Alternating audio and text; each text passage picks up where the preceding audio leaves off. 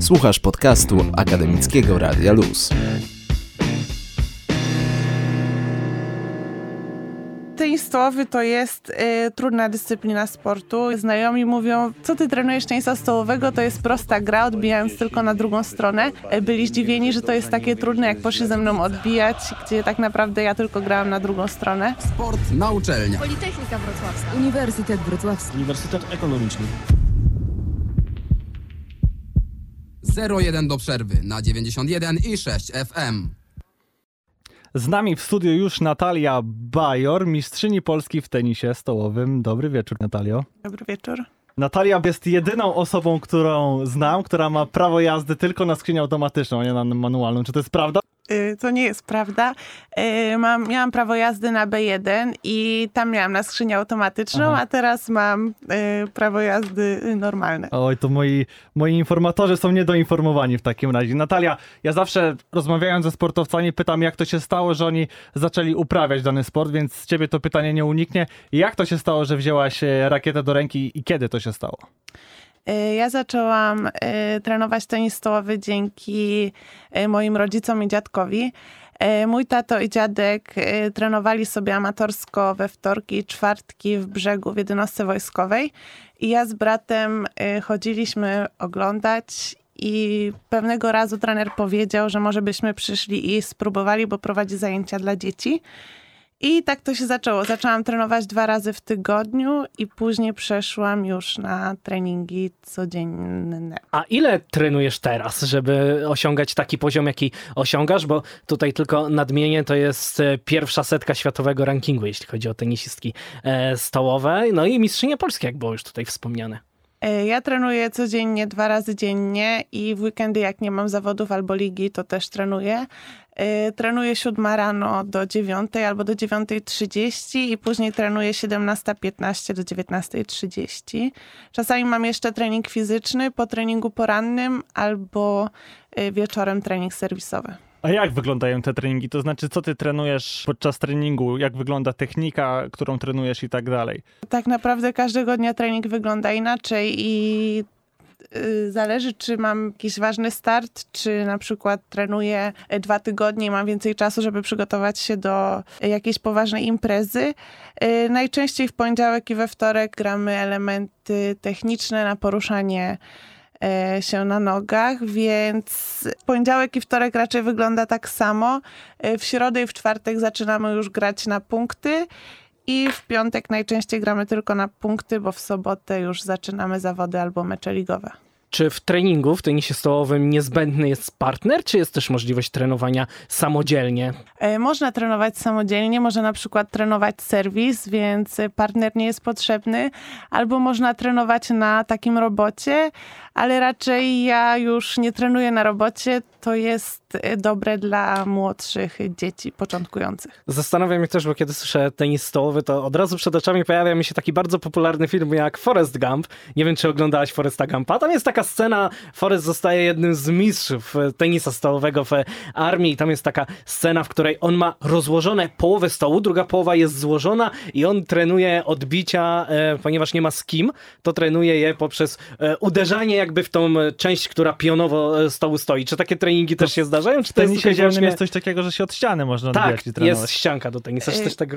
Ja się przyznam, że trenowałam na złożonym stole, ale to jak miałam 5 albo 6 lat i po prostu to była bardziej taka zabawa niż trenowanie. Natalia, zanim przejdziemy do twoich e, sukcesów, o których trochę możemy tutaj e, powiedzieć i na pewno o których ty chętnie nam e, opowiesz, to chciałem zapytać się o taką rzecz, bo tenis stołowy to jest taki sport, który jest uprawiany praktycznie w 99% szkół szkół w naszym kraju. Prawie każda szkoła posiada stół do tenisa, e, sport, e, do tenisa stołowego.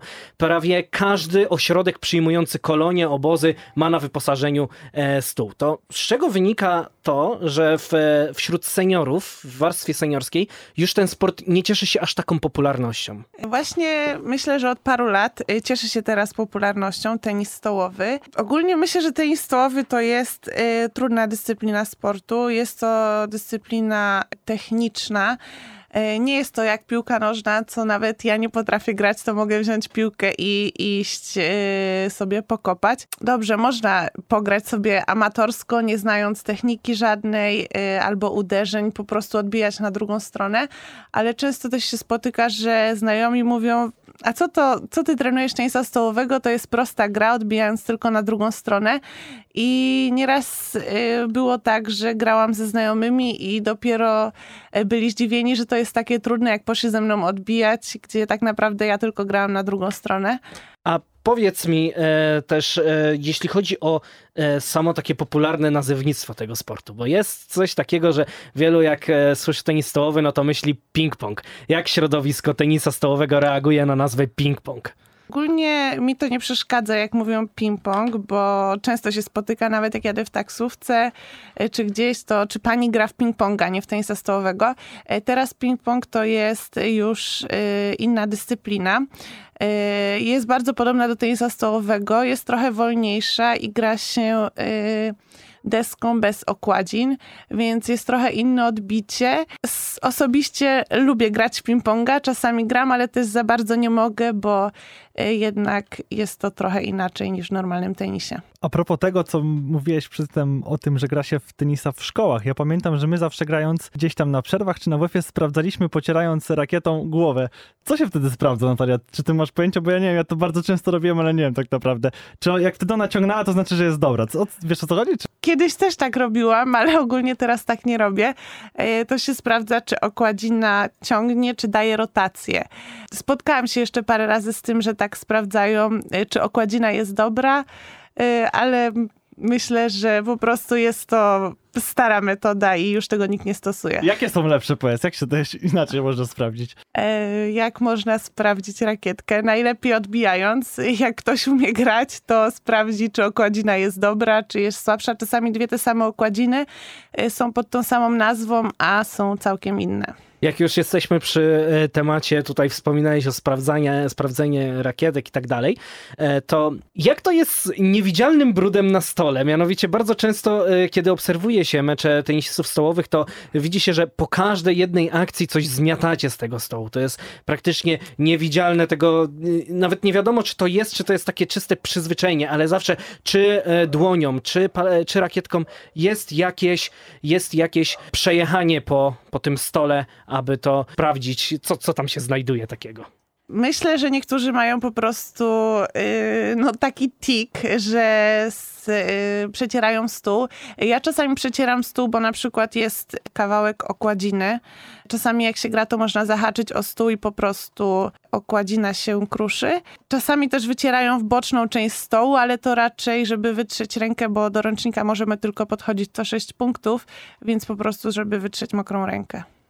To jest 0-1 do przerwy. Rozmawiamy z Natalią Bajor. Natalia, powiedz, bo z tego co wiem, ty masz taki ofensywny styl gry i źle ci się gra na tak zwane defensorki. Czy, czy jakoś ćwiczysz ten element? Ćwiczysz poprawę tego elementu? E, Nie lubię grać na defensywę i mało trenuję. Nie mamy w klubie też obrońcy.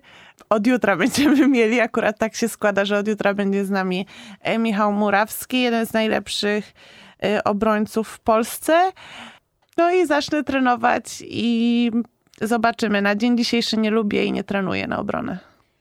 Czym są te ładne punkty, o których wspominał twój trener? E, Sama nie wiem, które to są te ładne punkty, ale myślę, że trener miał na myśli po prostu e, zagrać mocniej albo ze zwodem, albo czasami z taką fantazją po prostu, że e, czasami lepiej zagrać na stół niż na przykład skończyć tą piłkę w tej akcji. O sile polskiego kobiecego tenisa stanowią obecnie cztery zawodniczki. Lichian, Partyka, Grzybowska, Franc i Bajor. Z tym, że umiejętności ostatniej z wymienionych wystarczają na zwycięstwa w kraju, została mistrzynią Polski, lecz nie osiągnęła poziomu międzynarodowego. Jeszcze ma duże rezerwy. Chciałabyś się jakoś do tego odnieść? To powiedział trener Nęcek, czyli twój trener z reprezentacji. Tak, jest to mój trener kadry.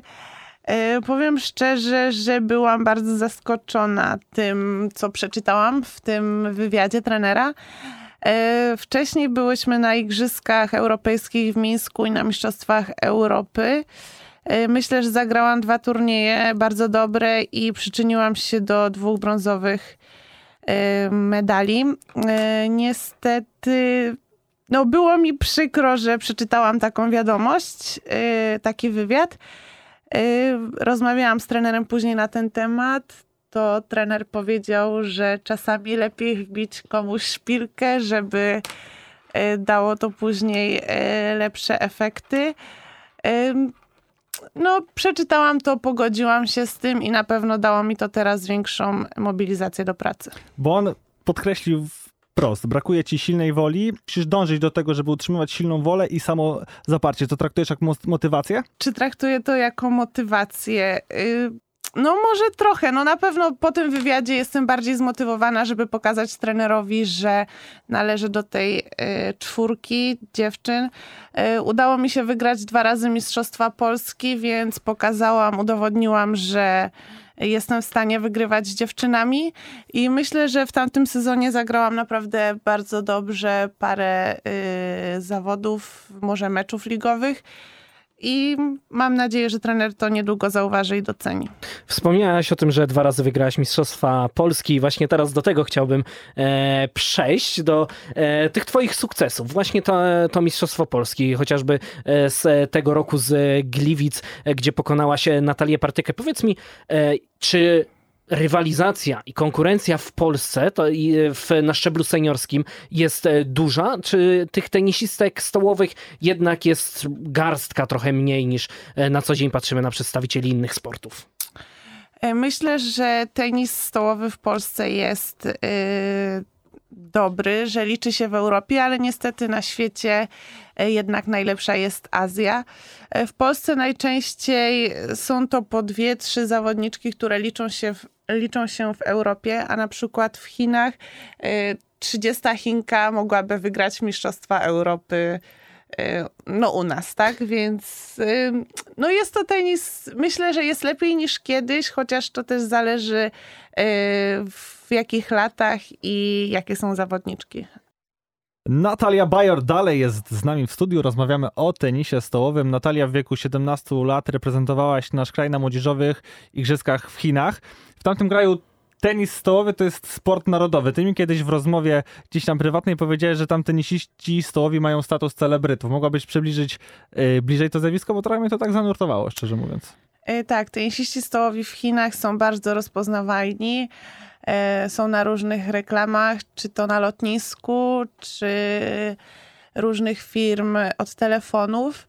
Y, Czy na przykład, już nie mówię o sprzęcie, ale na przykład spotkałam się, że na zupce chińskiej była jedna zawodniczka. Y, Myślę, że u nich jest to sport narodowy i są bardzo znani.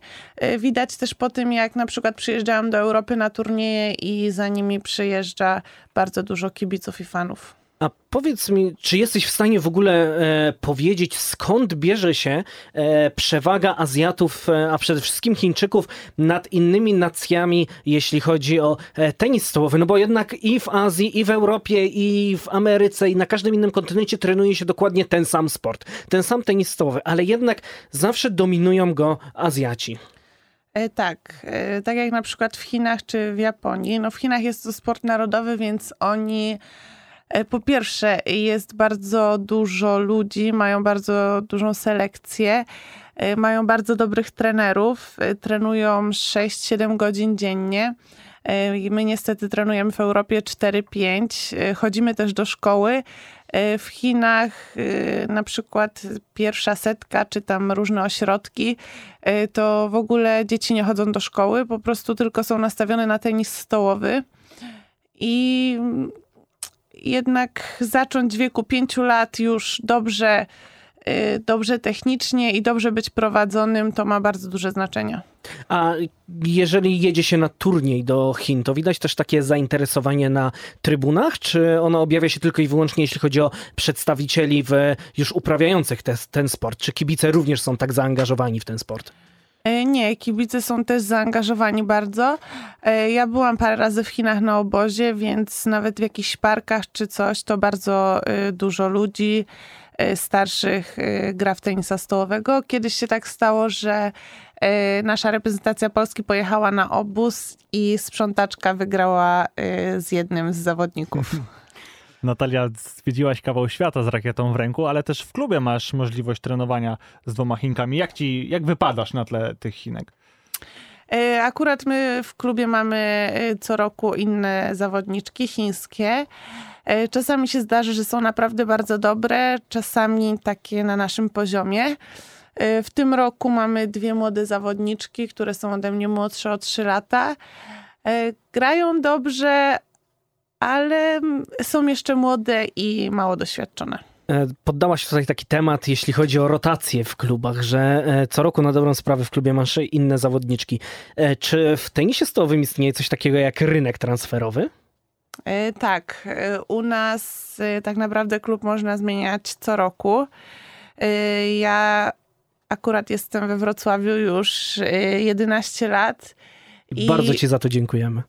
i myślę, że ciężko jest mi powiedzieć, czy jeszcze długo zostanę, czy nie.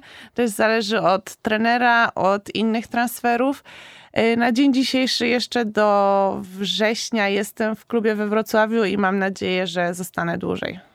Natalia, powiedz, czy ty nie uważasz, że lepiej y, rozwinęłabyś się za granicą, że to nie jest pora, żeby wskoczyć gdzieś tam troszkę na wyższy poziom?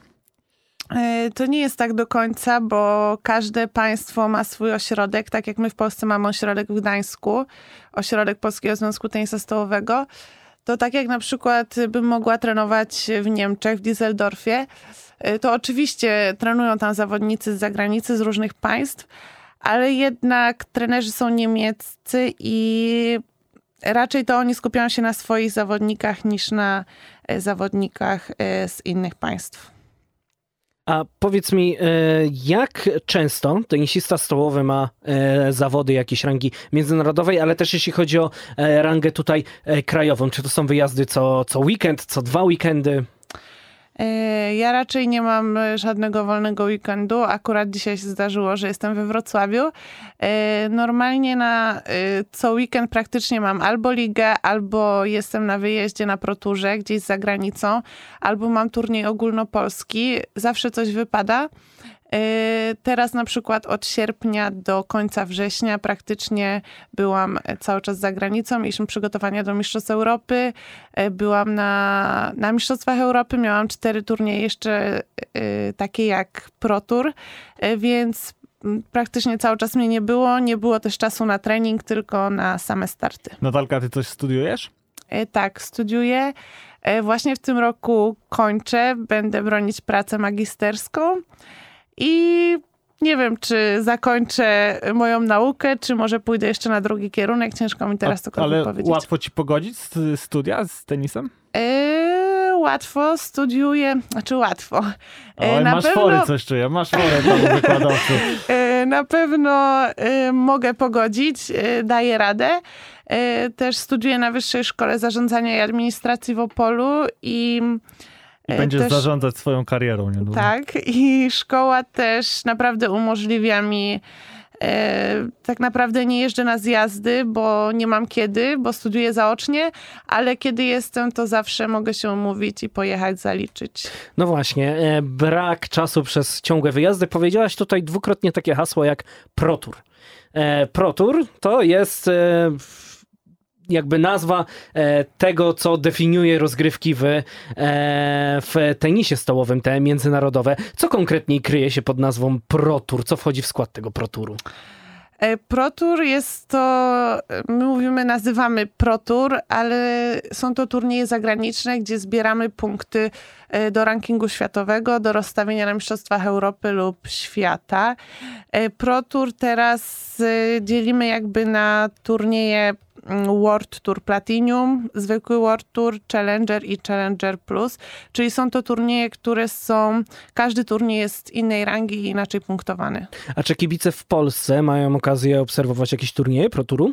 E, tak, teraz właśnie niedawno był turniej w Cetniewie we Władysławowie i można było, był to akurat najsłabszej rangi turniej, e, ale było naprawdę bardzo, e, paru bardzo dobrych e, zawodników i zawodniczek, więc myślę, że było co oglądać. A propos kibiców, bo tak mi się przypomniało, a propos popularyzacji tego sportu, wiem, że od niedawna kibice mają możliwość grać y, po meczach z wami, tak? Czy to jest prawda? E, Akurat u mnie w klubie y, jest tak, że y, często przychodzą kibice, którzy sami grają w tenisa stołowego i po prostu czasami jakby szykujemy z klubu taką niespodziankę dla nich, że zostajemy i możemy potrenować z nimi, albo organizujemy turniej dla wszystkich kibiców.